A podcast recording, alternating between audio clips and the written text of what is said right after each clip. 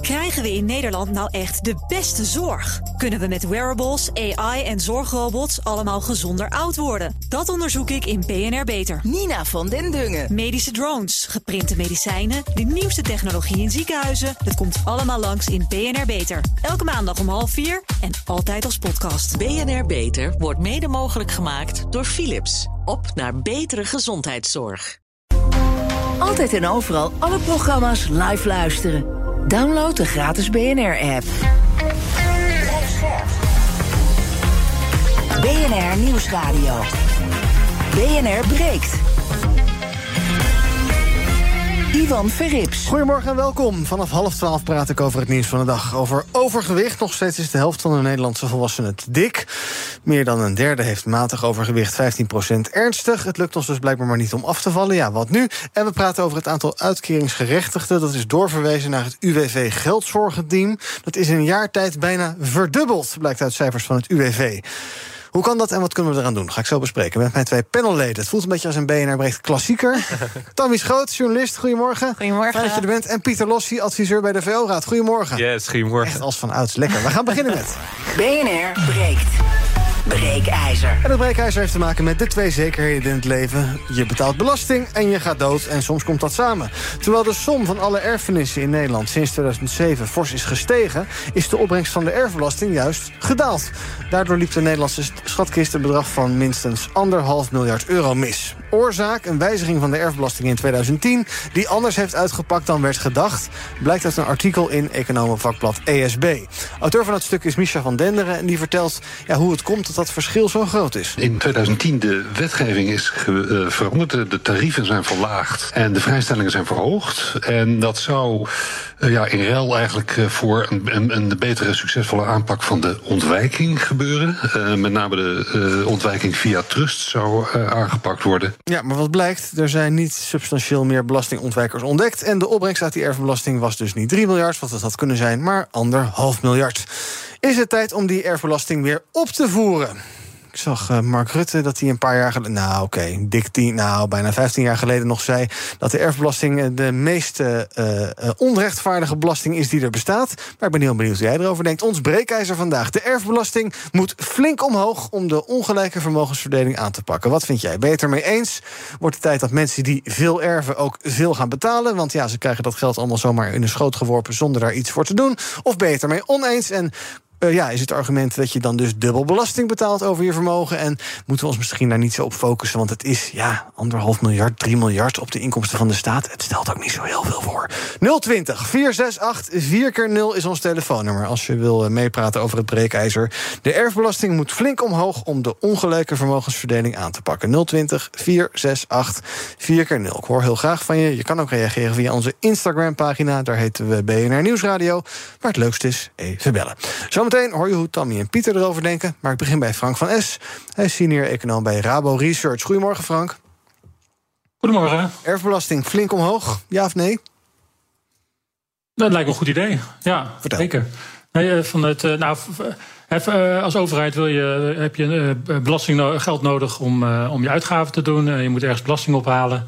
Eh, nou, we vinden volgens mij allemaal deels, ja, ik denk gewoon deels terecht dat we over ons inkomen uit arbeid eh, erg veel belasting betalen. Eh, dat gaat soms 40, 50, soms voor sommige mensen nog veel hoger eh, percentages. Ehm, het zou veel beter zijn om, eh, om, belastingen, om meer belasting eh, uit vermogen op te halen. En, eh, en erfbelasting is er daar, is er daar één van. Ja. En wat mij betreft ook een hele logische. Ja, voor veel mensen voelt het, het, het is een vrij polariserend onderwerp. Mensen die noemen het ook wel dode tax en dergelijke. Dat soort termen krijg je er ook opgeplakt. Ehm, eh, eh, ja, je zou ook kunnen denken, goh, ja, dan ben je eenmaal dood. Dat geld is al een keer verdiend, daar is al een keer belasting over betaald. Dus waarom zou dat dan nog een keer moeten? Kan je dat dan niet misschien beter bij je leven, die, dat vermogen zwaarder belasten? Eh, nou, wat mij betreft zou het NN eh, zijn. Ehm, ik, ik, ik- kijk, het is. ehm, eh, kijk, ik snap die emotie wel hoor. Ehm, en dat is ook best wel logisch, want het gaat inderdaad om een kwestie van ja, iemand die is overleden en je krijgt er geld van. Tegelijkertijd is het zo dat degene die het krijgt, heeft er helemaal nog geen belasting over betaald. Dus het is gewoon een, een vorm van inkomsten voor degene die het geërfd heeft. En het argument van dubbele belasting, ja. Uh, dat vind ik overigens ook niet zo heel sterk. Uh, kijk, als, als u en ik sla ons salaris krijgen, dan wordt daar loonbelasting over betaald door, door, de werkgever, of door onszelf uiteindelijk.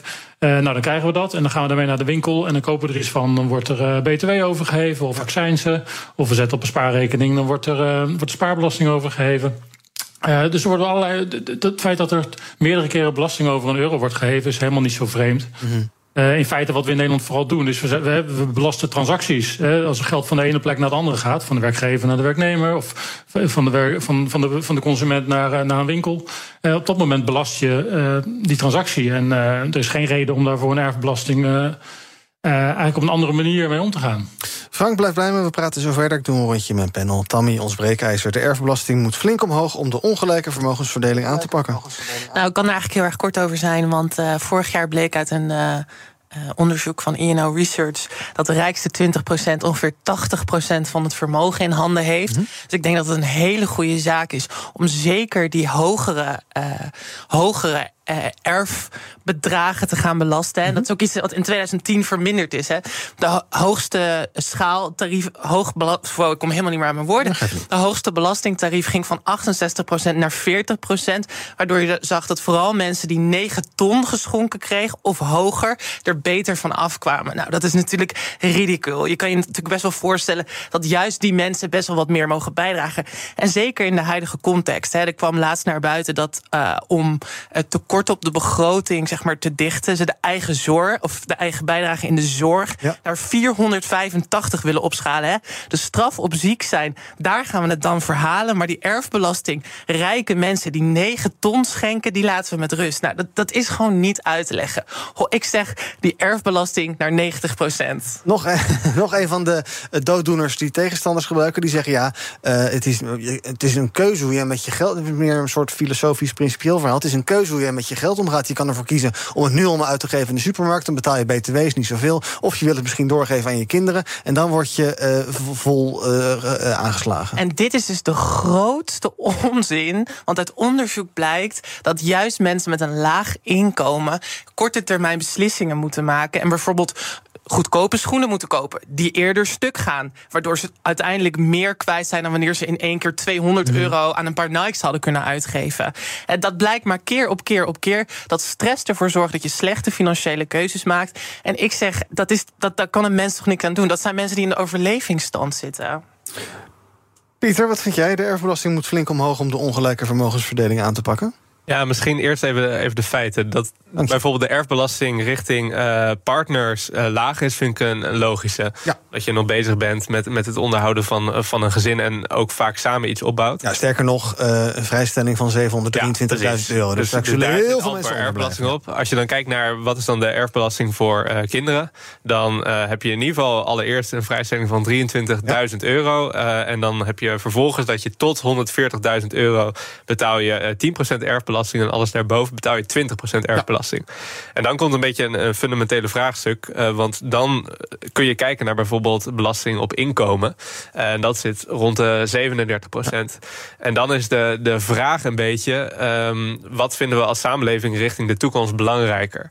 Uh, is dat zeker in een vergrijzende samenleving met heel veel uitdagingen, dat mensen zich gesteund voelen om, om te werken? Mm -hmm. Uh, op dit moment ook al? Of is dat een, een, vorm van vermogensbelasting, eh, een relatief belangrijke vorm van vermogensbelasting, eigenlijk qua belastingtarief zo laag mogelijk houden? En dan komt daar eigenlijk ook nog de vraag onder te zitten. Um, eigenlijk geef je natuurlijk geld door aan de, aan de toekomst, voor wat nog komen gaat.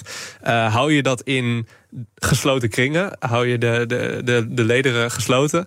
Uh, en, en zeg je, we willen een soort uh, zelfvoorzienendheid ook richting die toekomst opbouwen. Waardoor alles wat in het verleden heeft plaatsgevonden heel erg doorwerking krijgt in wat er in de toekomst plaatsvindt. En daarmee ook de ongelijkheid wordt doorgeschoven. Mhm. Of zeg je, nee, we vinden het ook belangrijk, zeker vanwege al die uh, ook financiële uitdagingen die in de toekomst uh, nog aanwezig zijn. Ook op het gebied van staatsschuld. Dat we zeggen, uh, we willen opkomen voor de totale toekomstige generatie. En dat vereist dat we in de toekomst extra investeringen willen doen in bijvoorbeeld onderwijs mm -hmm. of in het afbouwen van die staatsschuld. En daarom is het belangrijk dat een deel van wat iemand heeft opgebouwd in diens leven ook naar het collectief gaat via belastingen. Ga naar een paar bellers, bellers voordat we terug gaan naar Frank. 020 468 4 keer 0 als je wil reageren reageren. Matthijs, goedemorgen. Ja, goedemorgen. Hi. Ja, dat is een hele interessante vraag. Niet zozeer een fiscale vraag als wel een existentiële vraag. Mhm. hè. Wat wil je doorgeven aan je kinderen? Eh, en het, wat je kan doorgeven is intellectueel kapitaal en niet monetair kapitaal. Dat monetaire kapitaal moet terug de economie. Het moet lekker rollen. Daar moeten we met elkaar lekker bezig zijn met geld Ja. uitgeven. En dat moet, je niet, verkoop. dat moet je niet oppotten bij je kinderen. Nee, niet een oude sok zetten en eh, je kinderen geven die dan de kans ontneemt om hun eigen kapitaal op te bouwen. Dat, doe je dan. Je, ma- je maakt ze eigenlijk arm. Ja. Ja, ja, precies. Je maakt ze afhankelijk van je eigen geld. Dankjewel voor het bellen, Matthijs. Marja, goedemorgen. Ja, goedemorgen. Zeg het maar. Nou, ik ben het oneens met de stelling. Ehm, ik, ben, eh, ik, ben, eh, ik vind belasting betalen eigenlijk echt heel erg goed. We moeten met elkaar voor elkaar zorgen. Alleen ehm, als je bijvoorbeeld uit een ondernemersgezin komt, waar de druk altijd eh, behoorlijk hoog is, ook voor kinderen, dan betaal je eigenlijk altijd al je inkomstenbelasting, daarnaast je vermogensbelasting. En dan voelt het een beetje raar om dan nog een keertje belasting daarover te betalen. En bovendien, ehm, als, als kind, als je in je ouderlijk huis zou willen blijven wonen, dan kan dat ook al niet. Want ja, dan moet je daar ook over betalen. En dan heb ik het niet over de puissant hoge eh, erfenissen natuurlijk, maar gewoon die, die middenmoot die een beetje ja, net eh, hebben gespaard. En ook wat minder aandacht aan hun kinderen kunnen hebben gegeven. En eh, ja, dat daar, dat daar nog meer geld naartoe gaat. Ja, duidelijk. Dankjewel voor het bellen. Over die kwestie van het huis wil ik zo nog even bespreken. Vind ik wel een interessante. Dankjewel. En Erik, tot slot van dit blokje. Goedemorgen, Erik. Hele goedemorgen. Zeg maar. En nou, ik ben ook oneens eh, met de stelling. En dan eh, wil ik ook, ik weet niet of eh, de erfbelasting, eh, of dat echt de zoden aan de dijk zet voor eh, de inkomensongelijkheid. Eh, en, en, en tweede, eh, ik, eh, ik richt me ook meer op die middengroep en niet op die uitzonderingen met die hele hoge erfbelastingen. Dan, dan, dan leer je om, hey, zorg dat je genoeg vet op de botten hebt. Zorg dat je eh, eh, een aanzet helpt. Daar, ik denk dat je daarmee ook een hele mooie pedagogische slag mee kan nemen. En vaak wordt dat als investering gebruikt door eh, aan, wie je het nalaat. En als je ziet, als je keer op keer daar weer de zoveelste keer weer nog een keer belasting over moet betalen. Ja, dan, la- dan gaan we dat steeds meer uit ons hoofd zetten. Want dat heeft toch geen enkele zin. Dus dan krijgen we nog meer. En ik snap ook dat geld moet rollen in de economie. Helemaal met, mee, mee eens. Maar wel met gezonde buffers in geval dat. En dat haal je dan helemaal weg. En dan gaan- we alleen maar, gaan we consumeren. Want eh, er blijft toch niks van over. Dus waarom zou je het dan überhaupt doen? En ik denk dat het een, een, de, de ongezonde trend versterkt. Eh, waar we zijn waar we juist van af moeten van alles, maar te veel op leningen en wat dan ook. Want het geld moet rollen. Om de dode don niet, het kan ook helemaal niet. Je moet ook een keer eh, eh, klaar zijn als het slecht weer is. Dat je dat zelf kan opvangen. Dat de zelfredzaamheid van de mens voor een deel ook gewoon gewaarborgd is. Dankjewel voor het bellen, Erik. BNR breekt. Ivan Verrips. In mijn panel vandaag Pieter Lossi, adviseur bij de VO-raad... journalist Tammy Schoots en ook bij me is Frank van S. Hij is senior econoom bij Rabo Research. We praten over ons breekijzer. De erfbelasting moet flink omhoog... om de ongelijke vermogensverdeling aan te pakken. Als u wil reageren, 020 468 4 keer 0 Dus 020 468 4 keer 0 Nu bellen, dan kom je zo bij me in de uitzending. Frank, een paar dingen die ik van de bellers hoorde. Ja, eh, bijvoorbeeld dat huis. Stel je eh, ouders wonen in een huis van eh 5 ton... je laatste ouder overlijdt... ehm, dan eh, ga je daar, eh, nou even kijken... eh, mogelijk wel 20% belasting over betalen... over alles boven 140.000 euro. Ja, dat is toch best een... eh, dat, moet je maar, dat moet je maar hebben. Nou, Dat bedoel je als je er zelf nog in woont Ja, ook. dat, dat is dan wel de, de, de, eh, de, de, de kwestie. Nou, dat is denk ik in vrij weinig gevallen het geval. En als dat, ja, ehm, ik, ik, ik vind het eh, niet logisch om op, ja, of op basis van dat soort uitzonderingen eh, daar maar hele lage belasting over te, over te heffen. Eh, kijk wat er net werd gezegd, er is een, voor, voor partners is er al een hele grote vrijstelling. Eh, dus daar kom je nooit meer in de problemen. En voor kinderen is die ook nog steeds fors.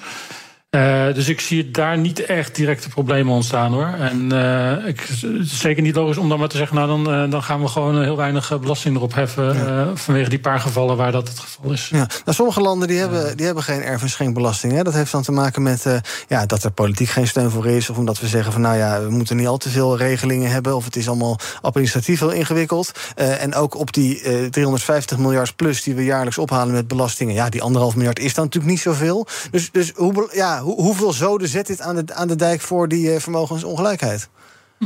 Ja, nou ja, misschien is juist het probleem dat die anderhalf miljard niet zoveel is. Hè? Dat, uh, je zou er juist misschien juist meer uit willen mhm. halen. Wat ik net eerder al gaf. Uh, je moet het geld ergens vandaan halen als overheid. En uh, als je dus niet uit de arbeid wil halen, dan, dan kun je misschien toch wat extra miljarden uit, uit, uit vermogensbelasting en dus ook uit erfbelasting halen. En het is natuurlijk typisch een belasting die je heel erg ophaalt bij de mensen die het. Die vooral ophaalt bij mensen die het wel goed kunnen hebben. want dat zijn juist die, die, die vermogen, de hoge vermogensongelijkheid, kwam net al te sprake. Uh, dus daar zit natuurlijk wel de, de, de grootste potentiële opbrengsten. Ja. Waarbij nog bij komt, is dat. Het, ik hoorde net ook de mevrouw over de onderneming. Uh, het is juist bijvoorbeeld de, de bedrijfsopvolgingsregeling, zoals mhm. die heet. Waarmee je onderne een onderneming van, van, van ouder naar kind kunt door, doorschuiven. dat is juist een van de redenen waarom die opbrengst zo laag is gebleven. Dus dat, daar zitten heel veel hele grote vermogens zitten in die, in die ondernemingen vast. Ja. en daar wordt maar heel weinig belasting over gegeven, waardoor er. Uh, waardoor juist die mensen die het best zouden kunnen betalen, uh, vrijgesteld blijven van belasting. Ja, ik geloof zelfs, uh, nou, dat is volgens mij niet verstandig. Ik geloof zelfs 0% bij die bedrijfsopvolgingsregeling. De GroenLinks bijvoorbeeld wilde daar een tijdje ja. geleden vanaf. Het kabinet heeft gezegd: ja, dat gaan we niet doen, want het is eigenlijk toch wel essentieel voor het voortbestaan van allerlei familiebedrijven.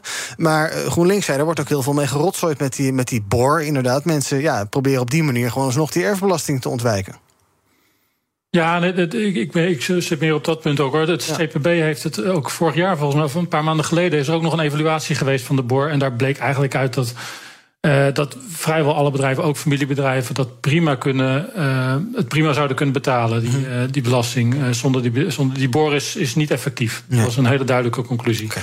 En dat is in die zin gewoon zonde van het geld. Tammy, um, uh, dit is natuurlijk ook een soort uh, stokpaardje van uh, Sander Schimmelpenning. Die pleit hier ook altijd voor. En die zegt dat hij het opvallend vindt dat mensen die eigenlijk helemaal niet heel veel te gaan erven of te erven hebben, dat die vaak toch heel erg ja, stellig zeggen van het is belachelijk dat zo'n erfbelasting er is. Terwijl zij er misschien wel juist belang bij kunnen hebben dat zo'n erf, erfbelasting er is. Waar komt, denk jij, die ja, weerstand vandaan? Het is wel heel grappig dat je dit zegt. Want net, een van de bellers had het al over zelfredzaamheid. En ik luisterde laatst heel mooi interview op Radio 1 met uh, Josse de Voogd. En die zei: Ja, misschien in de jaren 80 is zelfredzaamheid best belangrijk. Want dan zullen er vast mensen zijn die hè, op overheidsuitkeringen teren. Maar dat is tegenwoordig echt helemaal niet meer zo. Alleen dat idee van zelfstandigheid, dat is zo doorgedrongen in onze maatschappij. En dat is zo alomvattend dat het ook een soort, ja, ik weet niet, een soort schild is geworden. Of een soort waanzinnigheid waarmee we dit soort dingen allemaal maar aan de kant schuiven. En ja, tegenwoordig is niemand meer loonwerker. en mhm. iedereen is ondernemer. Iedereen noemt zich ondernemer. Het is meer een soort identiteit geworden dan dat het echt uh, nog iets te maken heeft met de realiteit. Ja. Eh, Pieter, ben je wel voor uh, dingen als bijvoorbeeld... Hey, je kan nu bij leven kan je belastingvrij geld aan je kinderen en je kleinkinderen schenken. Ja. Je, daar, daar moet je dan eigenlijk ook niet voor zijn. Want je kan, elk jaar kan je, ik geloof eh, bij uh, kinderen, nou dat is geloof die 23.000 euro kan je overmaken. Bij kleinkinderen is dat dan 2418 euro. Ja, uh, als je dat uh, 20 jaar doet, dan ja. gaat ook een flinke bedragen. Ja, kijk, wat natuurlijk wel goed, goed is, is dat de jubelton natuurlijk recent is afgeschaft. Waardoor je die 100.000 euro om die huizenmarkt een beetje aan te, aan te wakkeren, dat dat in, in ieder geval nu weg is. Waardoor je in ieder geval iets van kansongelijkheid op die woningmarkt nou ook voorkomt. Vier jaar een belastingvrije schenking aan je kind tip ook een jubelton. Nee, zeker. Dus eh, mee eens dat, dat daar die vrijstelling uh, van uh, eigenlijk af moet. En ook omdat je, en dat vind ik misschien nog wel de belangrijkste reden, eigenlijk een um, beweging ziet dat de reële economie zich afbeweegt van de fiscale papieren economie. Mm -hmm. misschien om daar een vraag over te stellen aan jullie. Op het moment dat je nu uh, eh, 10.000 euro zou inleggen op een beleggingsrekening... en je zou daar ieder jaar 5% uh, eh, rente voor krijgen... Ja. hoeveel geld heb je dan over 200 jaar? Oh, dat gaat heel snel. ik weet het niet, maar zeg het maar. Het is 28 miljoen euro. Ja, ja, dat betekent dat wat je nu hebt Hoeveel gedaan, jaar? Over 200 jaar. Ah, vind ik toch wel lang. Dat is wel lang. Uh, maar op het moment dat je dat nu zou wegleggen. en je zou zeggen. Uh, we zetten dat gewoon op een beleggingsrekening. Ja. en over 200 jaar is mijn nageslacht. mag dit openen. Uh, dan betekent dat dat iets wat 200 jaar geleden 10.000 hm. euro opleverde. dan opeens 28 miljoen euro waard is. en op het moment dat die belastingen tussendoor eigenlijk vrij laag zijn, die tarieven. ja, dan, dan zorg je ervoor dat dat, dat vermogen hm. alleen nog maar blijft stijgen. En dat eigenlijk ook relatief gezien. dat eh, de, de inkomens die je kan verkrijgen steeds minder belangrijk worden ten opzichte van dat vermogen. Laten we nog een paar bellers doen. Uh, Jacqueline, goedemorgen. Goedemorgen. Zeg het maar. Nou, ik ben het er helemaal niet mee eens. En ik vind het ook echt heel jammer dat die meneer van de Rabobank ook zo spreekt. Ik bedoel, ze hebben ook al meegewerkt aan hoge leningen aan de boeren. Ik vind zo langzamerhand dat we een beetje moeten gaan nadenken. Ik bedoel, jonge mensen kunnen geen huis meer kopen. En met die erfenis kunnen ze dan wel een stukje verderop komen in de toekomst. En ik begrijp niet waarom, als alles al belast is en overal al voor over betaald is, zelfs de echtgenote nog 10%, die heeft net zo hard meegewerkt aan dat huis of aan, aan het vermogen, dat die sowieso dan daar weer belasting over moet betalen. Ja, boven Dus ik 700 zou zeggen, en weet je, en het maakt helemaal niet uit. Want ik bedoel, en dan kun je wel altijd zeggen, de rijken. Maar jongens, laten we één ding onthouden: dat door de ondernemers drijft dit land. We hebben meer niet werkende mensen dan wel werkende mensen. Is dat zo? Dus ik zou zo langzamerhand eens zeggen. Steun is ook eens een keertje de andere kant. Het is altijd hetzelfde door te zeggen: de rijken hebben te veel. Maar de mensen met een middeninkomen die hebben zoveel subsidies met elkaar dat die ook allemaal wel rechtgetrokken worden. Dat is laatst ook nog op de televisie geweest met die mevrouw van eh, hoeveel is je vermogen? Die zei dat ook. Andere mensen hebben dan zoveel subsidies die rijke mensen dan in hun ogen niet hebben. Dus wat dat betreft, eh, de ongelijkheid valt wel mee. We hebben allemaal op dit moment, denk ik, een kastekort. En we hebben allemaal het gevoel dat het allemaal duurder wordt. Ja, en dan vind je dus die erfbelasting flauwekul. Dankjewel voor het bellen. Albert-Jan, goedemorgen. Ja, goedemorgen. Ja, ik, ik vind het ook ridicuul voor woorden. Eh, eh, ik, ben- ik, ik, ik ben toevallig er- ervaringsdeskundige, maar eh, mijn ouders die hebben, God hebben hun ziel, maar die hebben hun hele leven lang zeer spaarzaam geleefd, hebben veel dingen ontzegd, waar andere mensen mooie vakantiereizen maken, eh, noem het maar op, nieuwe auto's kopen, hebben mijn ouders heel hun leven lang best zuinig geleefd. Wij zijn bijna tot niet op vakantie geweest, wat heeft geresulteerd in een mooi vermogen, wat ik heb mogen erven van mijn ouders. Maar als zij niet zo hadden geleefd, eh, eh, hadden, hadden, had, had ik ook niet de start gehad. Die, eh, en daar hebben mijn ouders. En luister, ik heb twee, twee zoontjes. En ik heb dezelfde insteek als mijn vader en moeder. En wij gaan ook niet ieder jaar een nieuwe auto kopen. En ook niet ieder jaar vijf, zes keer op vakantie. Wij leven ook best wel spaarzaam. Proberen het aan de kant te zetten. Zodat mijn kinderen ook weer een redelijke start hebben.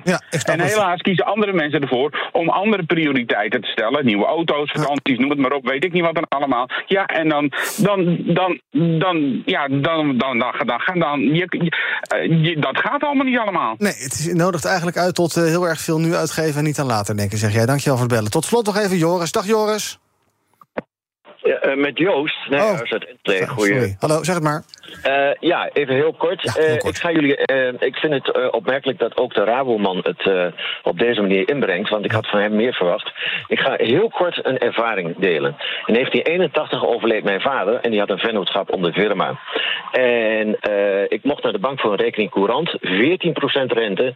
En ik ben noodgedwongen toen geweest om de helft van de mensen te ontslaan. Waarom? Omdat er een enorm verschil zit tussen solvabiliteit en liquiditeit. En op het moment, mijn vader zei altijd: jongen, als ondernemer ben je net een boer. Je leeft arm, maar je sterft rijk. Op papier heb jij veel vermogen, maar op het moment dat jij moet afrekenen met fiscus, moet je keihard liquiditeiten onttrekken aan je bedrijf. En dat heeft enorme impact. En ik vind het eigenlijk opmerkelijk dat die mevrouw die daar zo heerlijk weer ideologisch staat te praten, niet doorheeft dat je als eigen ondernemer, gewoon het midden- en kleinbedrijf, de ruggengraat van Nederland, dat je gewoon elke dag opnieuw gewoon die centjes moet verdienen en die liquiditeit moet hebben om dat te kunnen doen. Dus ik vind het bijna abject wat hier gezegd wordt, omdat het lijkt van, oh, ze zijn zo rijk. Nee, al die voorsprekers die zeiden het ook. Eh, Je moet woekeren met je talenten en dus heb je dat geld nodig. Het is werkkapitaal. En dus herinvesteer je dat weer. En ik vind dus eigenlijk dat dat totaal onderbelicht is gebleven. En ik ben blij dat ik dit heb mogen inbrengen. Dank u.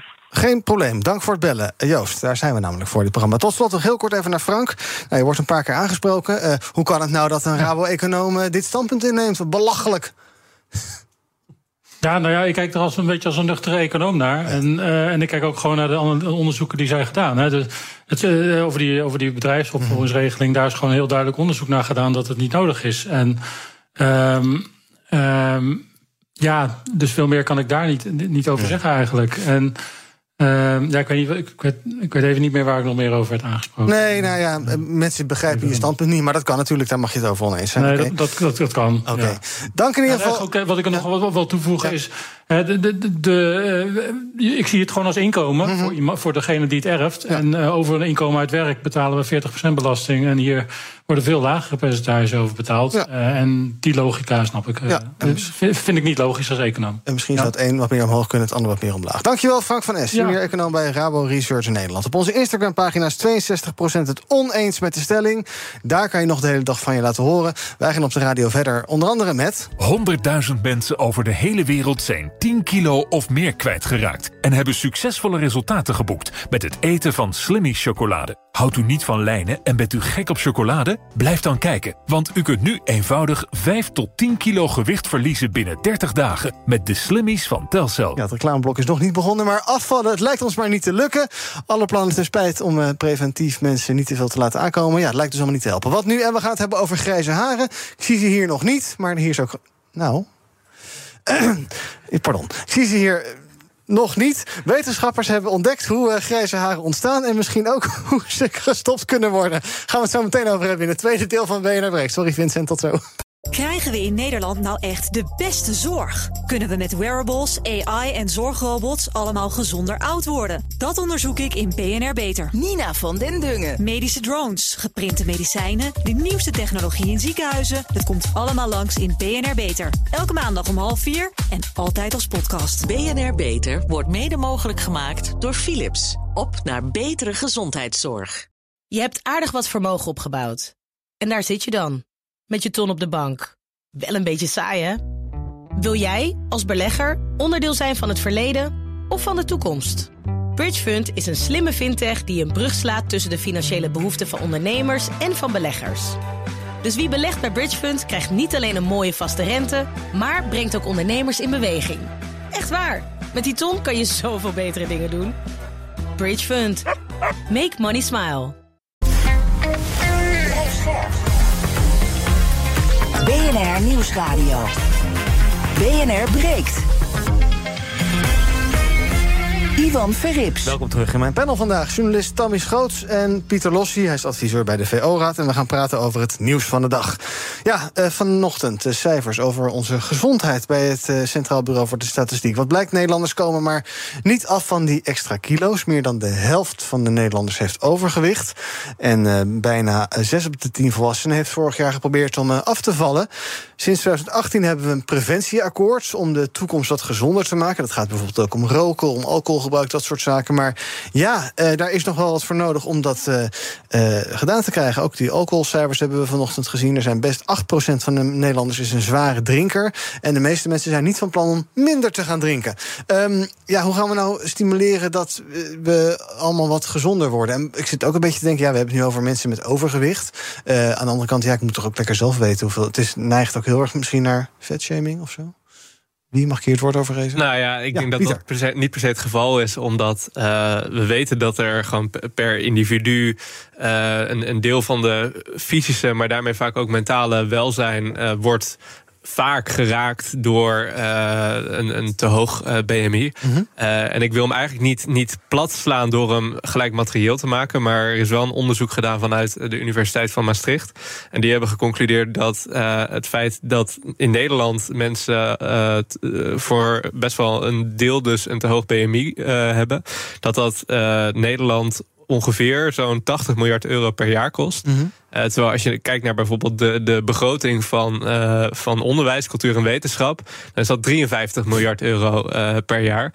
Dus het is wel een, een, een serieuze kostenpost waar ook serieus veel mensen veel last ook van kunnen ervaren. Dus ik vind het heel goed dat eigenlijk de, de zelfregulering die de afgelopen jaren vanuit de markt heeft plaatsgevonden en, en Coca-Cola die allemaal sportinitiatieven steunen en zo, dat dat uh, weer een beetje wordt teruggepakt naar de overheid. Die mm -hmm. zegt, ja, jongens, blijkbaar heeft dat niet voldoende gewerkt. En ik denk dat voor heel veel mensen het ook helemaal uh, niet altijd een bewuste keuze is om uh, te genieten van de vrijheid om voedsel eh, te kopen in te hoge kwantitatieve mate of te weinig kwalitatieve mate. Waardoor je dus gewoon een overheid moet willen die ergens ook dus een deel die, die burgers tegen zichzelf beschermt. En dus ook de macht van bedrijven beperkt om ja, allemaal shitproducten op de markt. Ja, ik zie vanuit mijn rechteroog ook Tammy een paar keer heel erg heftig nee schudden. Ja, ik vind het echt zo ongelooflijk onzinnig wat je allemaal aan het zeggen bent. Want als je gaat kijken naar dat welzijn van mensen, zie je dat 42% van de dikke mensen zegt dat ze zich gediscrimineerd voelen. Hè?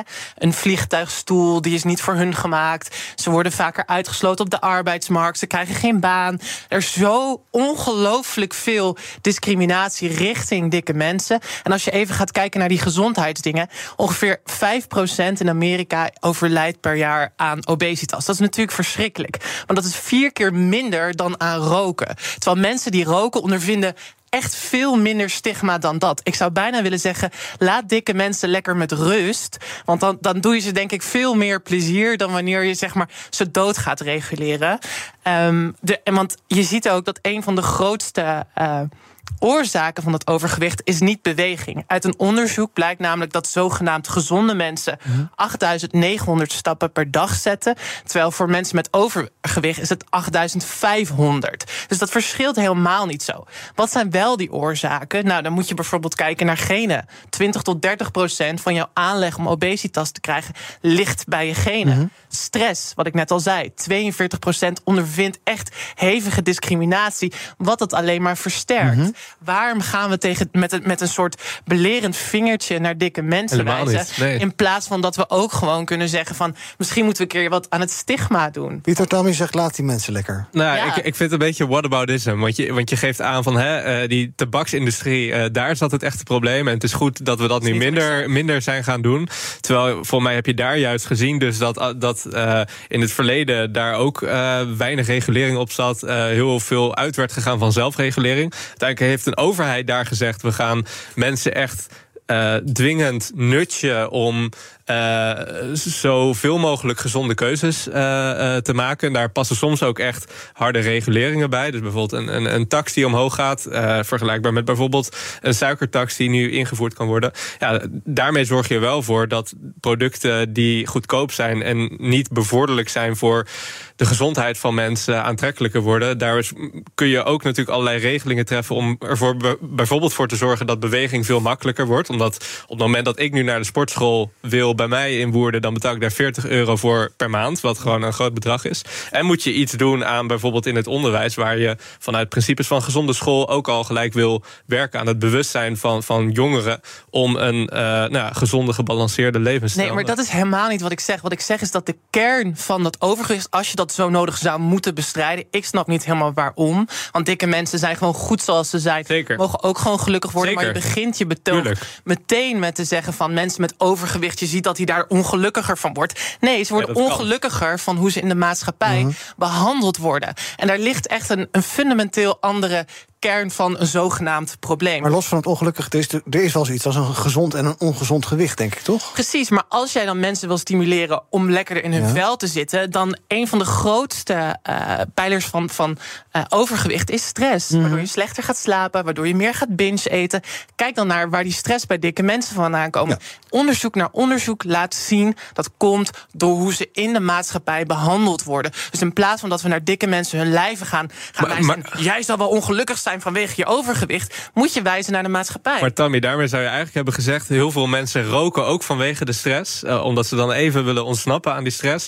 Op het moment dat we in het verleden niet uh, zouden hebben ingezet vanuit de overheid, vanuit de maatschappij, op het eigenlijk denormaliseren van sigaretten. Maar eigenlijk zouden zeggen: haal het stigma van roker af. Dat dan de samenleving opeens veel gelukkiger is. Maar van de rokers zegt niet 42% dat omdat ze roken, ze zo slecht worden behandeld. Dus wat ik zeg, het verschil tussen roken en het verschil tussen dikke mensen is dat er een veel groter stigma ligt bij die laatste groep. En dat moet je aanpakken. Dus het is niet, die twee zijn niet met elkaar te vergelijken als het gaat over het stigma wat ervaren wordt. En een groter gezondheidsrisico. Precies. En die stress houdt dat mensen overgewicht hebben, houdt dat in stand. Dus ik vind gewoon dat de hele tijd die belerende campagnes, daarmee pakken we, of pakken we een zogenaamd probleem op de verkeerde manier aan. Behandel dikke mensen gewoon als dikke mensen. Nog even een korte shout-out. Ga naar Dikke Vinger, de stichting. Die, die zijn bezig met het destigmatiseren uh, rondom uh, destigmatiseren van dikke mensen.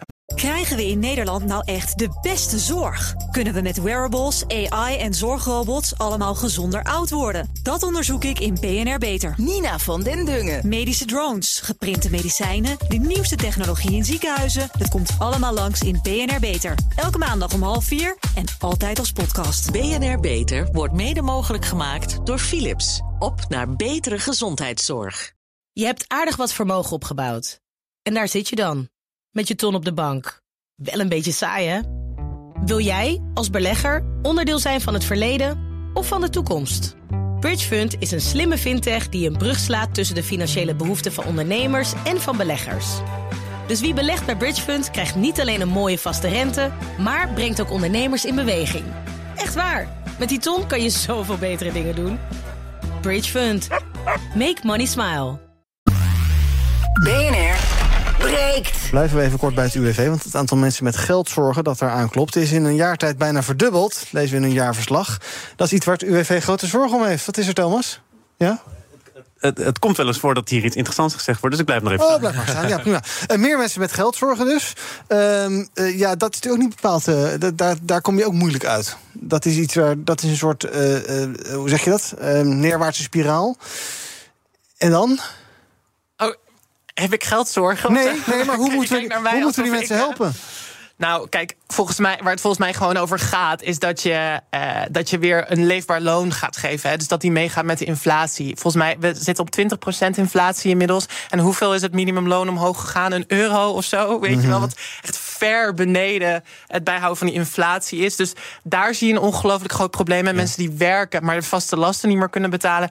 Ja, en ik weet wel hoe het komt. Want als je de supermarkt inwandelt, dan zie je broccoli 2 euro, bloemkool 3 euro. Ben je 5 euro kwijt, heb je twee groentes. Nou, dat slaat ja, natuurlijk nergens op. Zeker als je ziet dat bijvoorbeeld Albert Heijn uh, vorig jaar iets van 2,5 miljard winst heeft gemaakt. Dan ga je tanken. Nou, torenhoog om je autootje om naar je werk toe te komen vol te gooien. Zie je Shell 38,5 miljard winst gemaakt vorig jaar. Waarvan 17 miljard gesubsidieerd mm-hmm. wordt hè, door uh, de Nederlandse overheid in fossiele industrie. Waarom, wat ik zeg, waarom gaan we niet gewoon vanuit overheid arme mensen subsidiëren? Ik zeg melkertbanen moeten weer nou ja. Dit gaat om uitkeringsgerechten, dus eigenlijk doen we dat al, toch? Uh, deels wel. Omhoog. Kijk, alleen het verschil natuurlijk met uh, bij uitkeringsgerechten is dat er natuurlijk strikte voorwaarden aan zijn verbonden. En inderdaad, dat op het moment dat je uh, in de schuld terechtkomt, je vaak ook zoveel stress bijvoorbeeld ervaart, dat het lastiger wordt voor je om te werken. En daarom denk ik dat je moet nadenken of je naar een model toe kan waarin je meer een soort onvoorwaardelijkere vorm van bestaanszekerheid mm-hmm. kan realiseren vanuit de overheid. En dan kun je denken aan vormen van basisinkomens. Ja, en we kennen natuurlijk ook de voorbeelden van mensen die een rekening niet betalen, dan een keer een herinnering krijgen, dan die wegleggen, dan uh, nou ja, een aanmaning krijgen, dan komt er in een kassabureau. Nou, voor je het weet uh, gaat die rekening uh, hartstikke vaak over de kop. Daar kom je niet meer uit. Ja. Dus ook die hele schuldenproblematiek, dat hele, die, dat hele incassostelsel, daar moet je misschien ook Zeker, doen. want daar wordt echt extreem veel geld aan verdiend. En dat is natuurlijk schandelijk. En ik denk daarom ook dat je hebt nu al zo dat op het moment dat je een pizza koopt ergens bij een keten, uh, je bij wijze van spreken in termijnen kan uh, betalen. Mm-hmm. Waarin je elke maand een paar euro betaalt om die ene pizza van een paar maanden geleden af te betalen. Mm-hmm. Ik zou het prima vinden als de overheid zegt, uh, nou dat moeten we niet willen, omdat je dan eigenlijk steeds geld haalt uit de toekomst naar het nu om boven water te blijven. En dat uiteindelijk bijdraagt aan potentiële schuldenproblematiek. Thomas is afgehaakt, dus we kunnen naar wat jullie zelf is opgevallen in het nieuws. Tammy, jij wilde het hebben over een TikTok-filmpje. We hebben het even een fragment. Gemeente hoeft minder te bezuinigen op de jeugdzorg. Dat klinkt heel goed, hè? Maar dat blijkt in praktijk vies tegen te vallen. Nou, wat is nou aan de hand? Ja, dit eindigt met een open vraag. Wat oh ja. voor filmpje is dit? En mag ik dat gaan uitleggen? Ja. ja. er kwam gisteren volgens mij naar buiten dat gemeentes uh, minder hoeven te bezuinigen op de jeugdzorg. En dat werd echt onthaald als een soort groot nieuws. Maar wat deze jongen heet Jason Bougwandas. Uh, wat hij heel goed uitlegt, is dat er eigenlijk al structurele um, bezuinigingen gepland staan in de zorg. En dat gaat echt over astronomische bedragen. In 2024 zou er een half miljoen uh, bezuinigd worden, of een half miljard bezuinigd worden op de jeugdzorg. Nou, dat gaat omlaag naar 374. Dat is bijna 4 ton alsnog. Dus dit is eigenlijk een beetje blij met een dode mus. Mm-hmm. Het jaar daarna zou 1,1 miljard bezuinigd worden op de jeugdzorg. Het gaat hier om structurele bezuinigingen. Ja. Dat wordt 900.000 miljoen Dat is insane. En als we gaan kijken naar 2026, want daar gaat het niet omlaag, hebben we het over 1,5 miljard bezuiniging op de jeugdzorg. Het jaar daarna weer 1,5 miljard. Deze astronomische bedragen die bezuinigd worden op de meest kwetsbaren. Het is van de zotte. Zeker als je bedenkt dat de fossiele industrie gesubsidieerd Mm. wordt met 17 miljard. Dat, is toch, dat, dat kan je toch niet uitleggen? Hadden we niet onlangs een minister of staatssecretaris die zei: joh, jongeren moeten gewoon wat minder vaak eh, naar, eh, naar eh, de jeugdzorg toe? Nou, ik vind dat? Shell wat minder vaak met zijn handje Ja, naar de overheid moet. Nee, even los daarvan. Nou ja, ik vind dat die twee best wel met elkaar eh, Verbonden zijn. verbonden zijn. Want je hebt één pot met geld. De overheid maakt keuzes Mhm. hoe je die verdeelt. En we, we bezuinigen gewoon heel hard op de meest kwetsbaren. En vanuit de media is er een soort campagne gaande.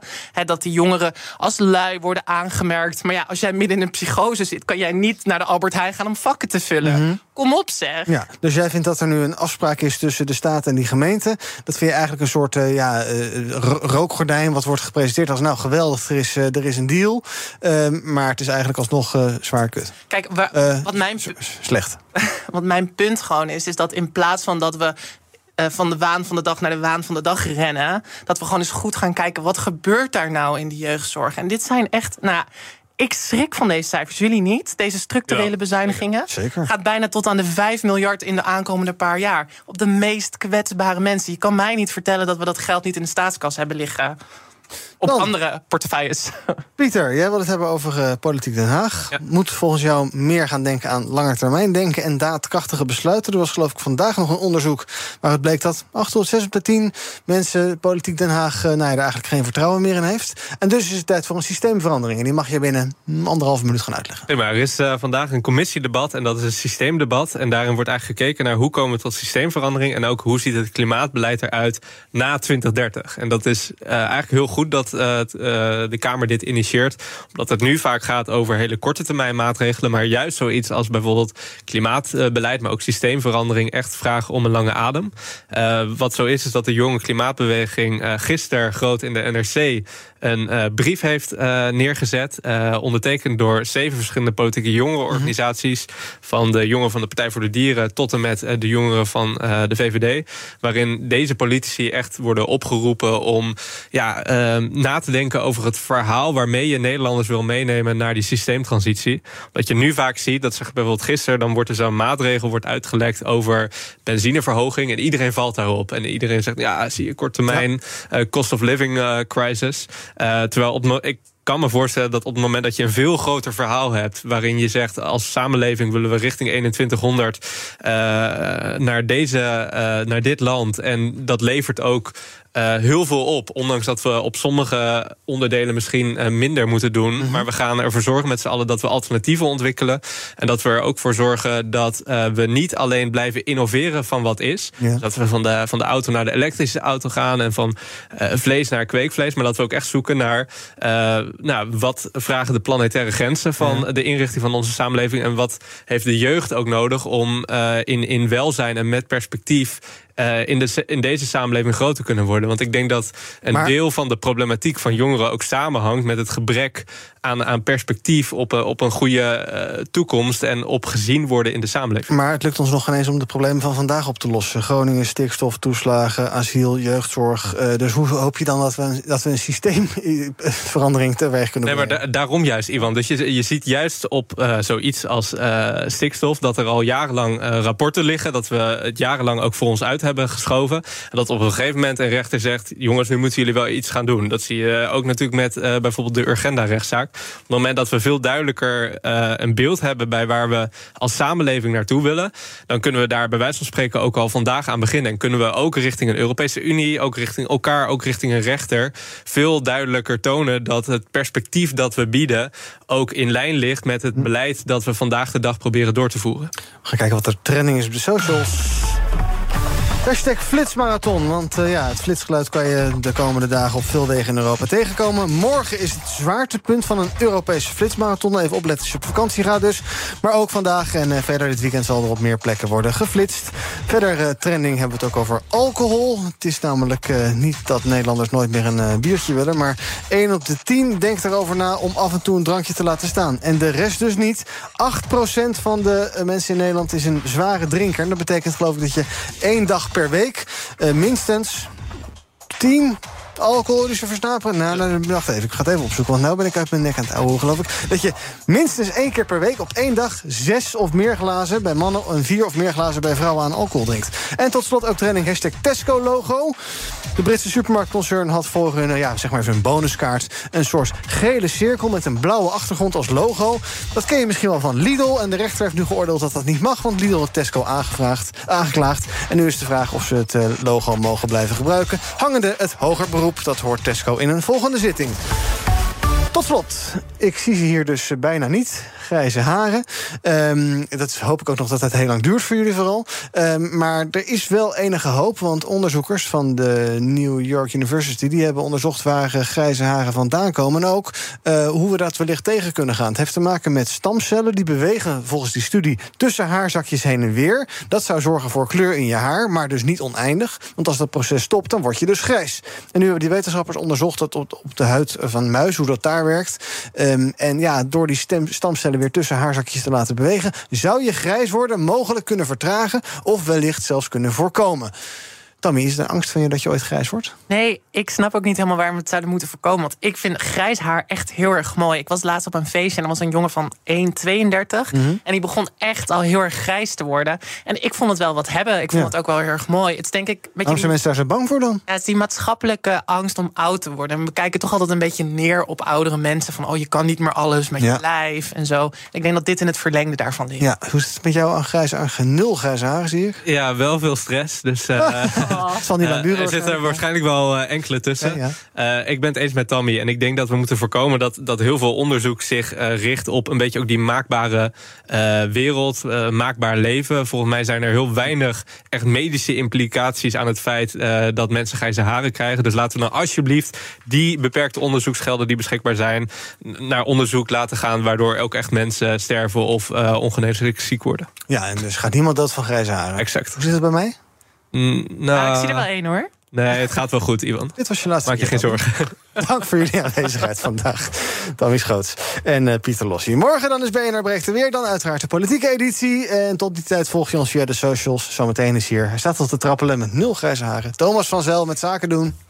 Krijgen we in Nederland nou echt de beste zorg? Kunnen we met wearables, AI en zorgrobots allemaal gezonder oud worden? Dat onderzoek ik in BNR Beter. Nina van den Dungen. Medische drones, geprinte medicijnen, de nieuwste technologie in ziekenhuizen. Het komt allemaal langs in BNR Beter. Elke maandag om half vier en altijd als podcast. BNR Beter wordt mede mogelijk gemaakt door Philips. Op naar betere gezondheidszorg.